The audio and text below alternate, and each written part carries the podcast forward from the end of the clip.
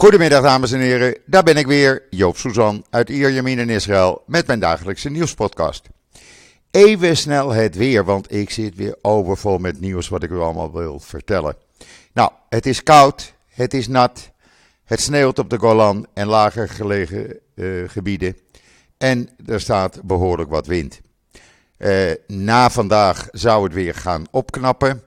En dan hebben we tot en met zaterdag gewoon lekker weer, 15 tot 17 graden en een zonnetje. En vanaf zondag zou het dan weer gaan regenen. Nou, we gaan het meemaken, we gaan het zien. En dan corona. Want ja, men zegt dan wel, we hebben een technische storing en we kunnen de website met uh, alle gegevens niet, uh, niet uploaden. Uh, de laatste keer dat die bijgewerkt was, was zondagavond om 9 uur. Maar uh, we krijgen persberichten door en daaruit blijkt dat de besmettingen hier volledig uit de hand lopen. Zondag 62.210 nieuwe besmettingen. Maandag 65.259 nieuwe besmettingen. En zojuist kreeg ik het bericht dat er vandaag, en dan moet ik nog even kijken, want ja, hier heb ik hem. Uh, op dinsdag dus gisteren waren er 71.593 nieuwe besmettingen. Dat is uh, opnieuw een wereldrecord hier in Israël. Of althans een record voor het land. Uh, men had dit verwacht, het werd voorspeld. Ik heb het u ook al een aantal keer gezegd dat we in de loop van deze week mogelijk de 100.000 besmettingen per dag zullen aantikken. Daarna zegt men in de loop van volgende week of die week daarna een stabilisatie en dan nemen de besmettingen weer snel af. Er liggen 526 ernstige patiënten in het ziekenhuis. Uh, dat ook stijgt. Dat was uh, op, uh, ma op zondagavond nog 498. Of maandagmorgen moet ik eigenlijk zeggen. En dat is dus nu 526. Daarvan zijn er, uh, dan moet ik het even goed zeggen, want ik wil de juiste gegevens doorgeven. Van die uh, eh, 526 zijn er 138 in kritieke toestand, met 102 aangesloten aan de beademing. Het aantal mensen wat aan uh, COVID is overleden staat op 8340.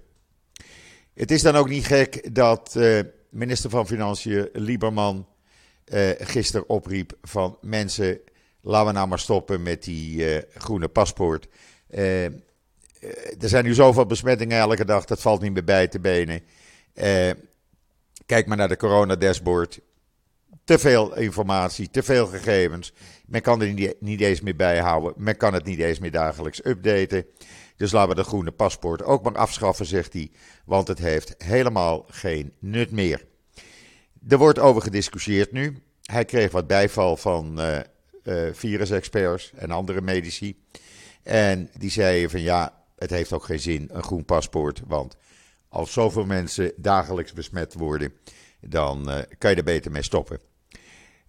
inmiddels heeft het ministerie van Volksgezondheid wel gezegd door te gaan met de vierde vaccinatie voor 60-plussers. En waarom? Omdat het wat meer bescherming geeft. Het werkt dan wel niet tegen uh, Omicron, uh, blijkt uit de eerste onderzoeken. Maar het aantal uh, antilichamen vervijfvoudigt. Dus het geeft wat extra bescherming aan 60-plussers. Dus blijft men daarmee doorgaan. men denkt ook na aan het schrappen van quarantaine voor kinderen trouwens. Want ja, er valt eigenlijk niet meer tegen, tegen aan te werken.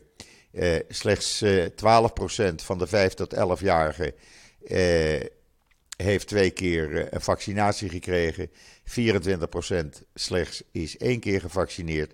Het heeft allemaal geen zin meer. Ik denk ook dat je het nu moet gaan behandelen. En ik zie dat ook steeds vaker. Ik sta daar niet meer alleen in. Dat je eigenlijk moet zeggen van. Laten we het nou behandelen als een grote griepepidemie. Uh, daar worden ook duizenden, tienduizenden mensen uh, ziek van, ernstig ziek van.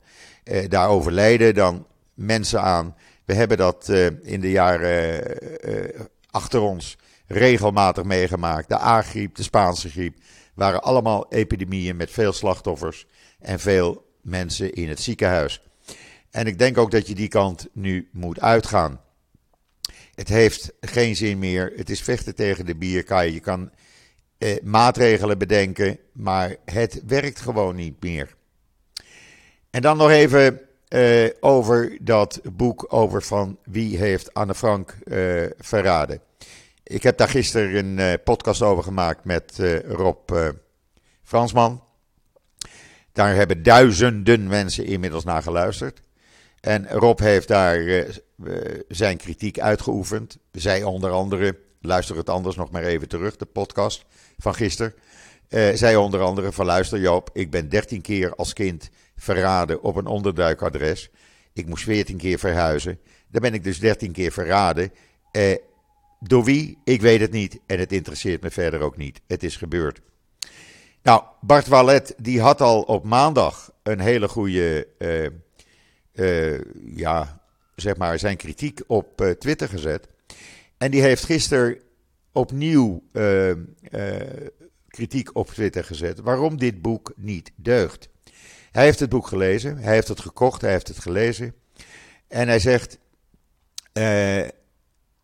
ja, het is gebaseerd op voor, on, vooronderstellingen en naast het afschrift van een kopietje van een anoniem briefje is er geen enkel bewijs. Hij zegt, want in het boek worden verschillende scenario's weggestreept gestreept, en er blijft alleen de zaak van Arnold van den Berg over, die Joodse notaris. En dan gebeurt er iets raars, zegt hij. In het boek lees je dat de bewijslast wordt omgekeerd. En dat is een klassieke drogreden om op die manier Van den Berg als verrader aan te duiden. Hij zegt, en omdat Van den Berg de oorlog heeft overleefd, wordt ervan uitgegaan dat hij dan wel degene moet zijn die dat verraad heeft gepleegd. Eh, terwijl hij eh, waarschijnlijk ondergedoken heeft gezeten. Eh, dus de deugd van dat boek geen zier. Dat boek is het niet waard om gekocht te worden.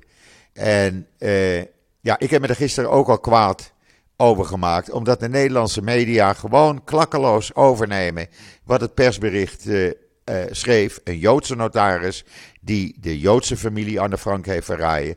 Nou, zo ligt het gewoon niet. En uh, ik, ik zou het prima vinden als de Nederlandse media eerst eens wat vooronderzoek doet. Voordat men klakkeloos overneemt wat wordt toegezonden. Ja, ik ben er nog steeds kwaad over. Maar goed, even wat anders. De Nationale Bibliotheek van Israël heeft 90 enkelvoudige pagina's uit de vroegste periode van de Hebreeuwse boekdrukkunst aangekocht. De pagina's zijn afkomstig van het enige bekende exemplaar van een laat 15e eeuwse editie van rabbijn Jacob ben Assers uh, Arba'a Turim, een baanbrekende codificatie van de Joodse wet. Het hele verhaal met een aantal foto's van die bijzondere eeuwenoude pagina's kunt u lezen op israelnieuws.nl. Uh, wat u daar ook kunt lezen is uh, het verhaal dat ondanks de kritiek van een aantal EU-ambassadeurs hier in Israël met de Nederlandse ambassadeur Hans Dokter voorop, die vonden dat dat niet moest gebeuren, heeft de gemeente Jeruzalem afgelopen nacht en vanmorgen vroeg eh, de woningen ontruimd die illegaal door Arabieren waren gebruikt, gebouwd in Oost-Jeruzalem. En eh, men gaat dat, die woningen nu slopen. En daar komt dan een scholencomplex voor Arabische kinderen op met speciale behoeften. dat zijn kinderen uit Oost-Jeruzalem en omgeving. En voor die Arabische kinderen is geen enkele uh, uh, opvang eigenlijk. De kinderen hebben speciale behoeften nodig. Daar komt een groot scholencomplex. U kunt de foto's zien op israelnieuws.nl. 18 klaslokalen, 6 kleuterscholen, sportvelden, recreatie en alles om die kinderen te helpen, die Arabische kinderen. Dus wat de Nederlandse ambassadeur en de Ierse ambassadeur zeiden van je moet geen illegale Arabische woningen slopen en niet uitvoeren wat de rechter in 2017 heeft bepaald. Daar heeft de gemeente Jeruzalem zich niet aan gestoord. En dan, uh, premier Bennett heeft deelgenomen gisteren aan de virtuele conferentie van het World Economic Forum. U kunt zijn hele toespraak van drie, vier minuten op israelnieuws.nl zien. Uh, wat hij eigenlijk zei, heel kort. Iran is een octopus van terreur en instabiliteit. Het hoofd van de octopus, zegt Bennett, is in Teheran. En ze sturen hun wapens door het hele Midden-Oosten. Van Libanon met Hezbollah naar Irak, Syrië en Jemen, waar de Houthis voor hun aan de gang zijn. En het is heel comfortabel voor die moela's om dan rustig met de armen over elkaar in Teheran te gaan zien wat voor uh, chaos zij in het Midden-Oosten organiseren. En het laatste wat je wil is dat dit soort octopussen tientallen miljarden dollars uh, gaat krijgen van het World Economic Forum. Want wat krijg je? Je krijgt terreur en nog meer terreur en nog meer terreur. Hij zegt: Ik ben een zakenman. Ik ben volwassen geworden als zakenman in de high-tech. En ik zou zeggen dat investeren in een terreurstaat Iran geen goede investering is. Of er nu wel of niet een Iran-deal is. Nou, ik kan het er alleen maar mee eens zijn. Kijk anders even naar de video. En dan was er eh, maandag een heel bijzonder moment voor 87 Afghaanse vluchtelingen. Die in augustus 2021 door Israël Aid, Israël waren gered. Die hebben eindelijk hun hulpverleners ontmoet. Ze bereiden zich nu voor op hervestiging in Canada.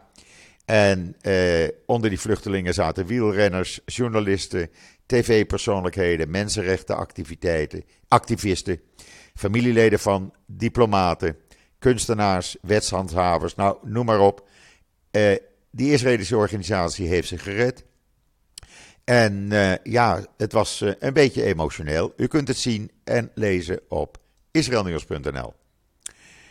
En dan uh, iets ja, waar ik toch wel van geschrokken ben. Mensen die mij volgen op social media en op mijn israelnieuws.nl lezen, weten daar al van. Facebook dreigt de persoonlijke Facebookpagina van Hillel Neuer, de oprichter van UN Watch, te verwijderen omdat hij pro-Israël is. Ja, u hoort het goed. Hij is pro-Israël en dat mag niet van Facebook. En waar gaat het om? Hij heeft op 17 augustus 2021 een artikeltje op, Facebook, op zijn gezet met een foto. Uh, die foto kunt u zien in het artikel op israelnieuws.nl trouwens. Uh, waarop de schutters van de Taliban te zien zijn die in het presidentiële paleis in Kabul zaten. En daar heeft hij ondergezet: Mijn voorspelling: Ben en Jerry zullen nooit een boycott aankondigen van de Taliban. Nou, daar was Facebook niet blij mee. Dat mag niet. En uh, zij hebben dus al uh, beperkingen op zijn pagina uh, geactiveerd. Waardoor die pagina's van hem en zijn berichten op Facebook minder gedeeld worden. Ik schrok daarvan. Maar ik schrok nog meer nadat ik een aantal mails kreeg van mensen uit Nederland. En ik noem geen namen. Eh, die zeggen: Joop, ik heb dat artikel gelezen, maar ik heb daar ook last van. Eh, regelmatig als ik pro-Israël berichten op mijn Facebookpagina zet, dan krijg ik dreigementen van Facebook. Doe dat niet meer, want dan word ik geblokt. Nou, dat kan natuurlijk niet. En er is inmiddels een petitie gestart om Facebook te bewegen hiermee te stoppen. U kunt uh, die petitie, petitie, tekenen. Honderden zijn nu al voorgegaan nadat ik een oproep had geplaatst. Echt, doe het. Uh, de link om de petitie te tekenen staat in het artikel op, Facebook, op uh, israelnieuws.nl. Laten we met z'n allen Hillel Neuer helpen. Ik ken hem vrij goed. Ik spreek hem regelmatig, want dan belt hij weer van Joop, ik heb weer wat gevonden over Nederland. Het stemgedrag in de, de Verenigde Naties. Kan jij dat plaatsen? En dat doe ik dan ook. En daar heeft mevrouw Kaag in het verleden al wat problemen door gehad. Dus laten we met z'n allen Hielnel Neuer in zijn gevecht tegen Facebook steunen. Want dit kan niet. Ik wacht af wat uh, Facebook gaat doen met mijn pro-Israël artikelen. We zullen het zien. En uh, ik laat u weten als ook zij mij gaan uh, bedreigen met uh, sluiten van mijn pagina. En dan, Israël heeft een nieuw wapen, de Smart Shooter. Dat is een soort drone met een geweer erin. U kunt dat zien op israelnieuws.nl. En daar kunnen drones in de lucht mee worden getroffen en uit de lucht worden geschoten. Hartstikke goed. Lees het maar eventjes. En wat ook goed is, Israël heeft dinsdag een succesvolle test gedaan van de Arrow 3 antiballistische raket. En die is uitstekend geslaagd.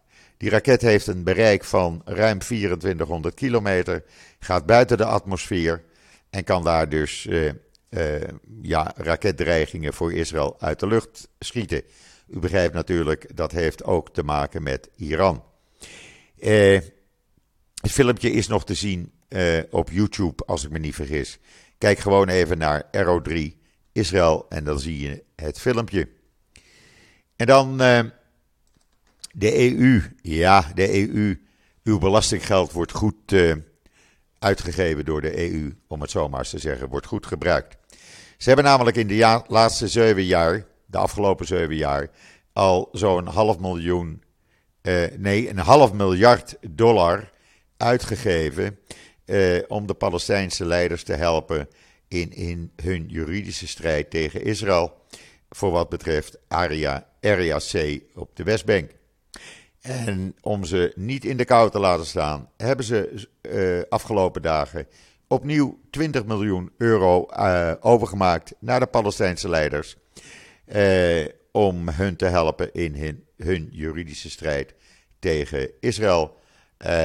niet alleen tegen Israëlische nederzettingen, maar ook tegen bijvoorbeeld de veiligheidsbarrière die Israël heeft aangebracht die moet maar gesloopt worden. En ja, dat, uh, die strijd in uh, het internationaal gerechtshof in Den Haag, dat kost natuurlijk geld.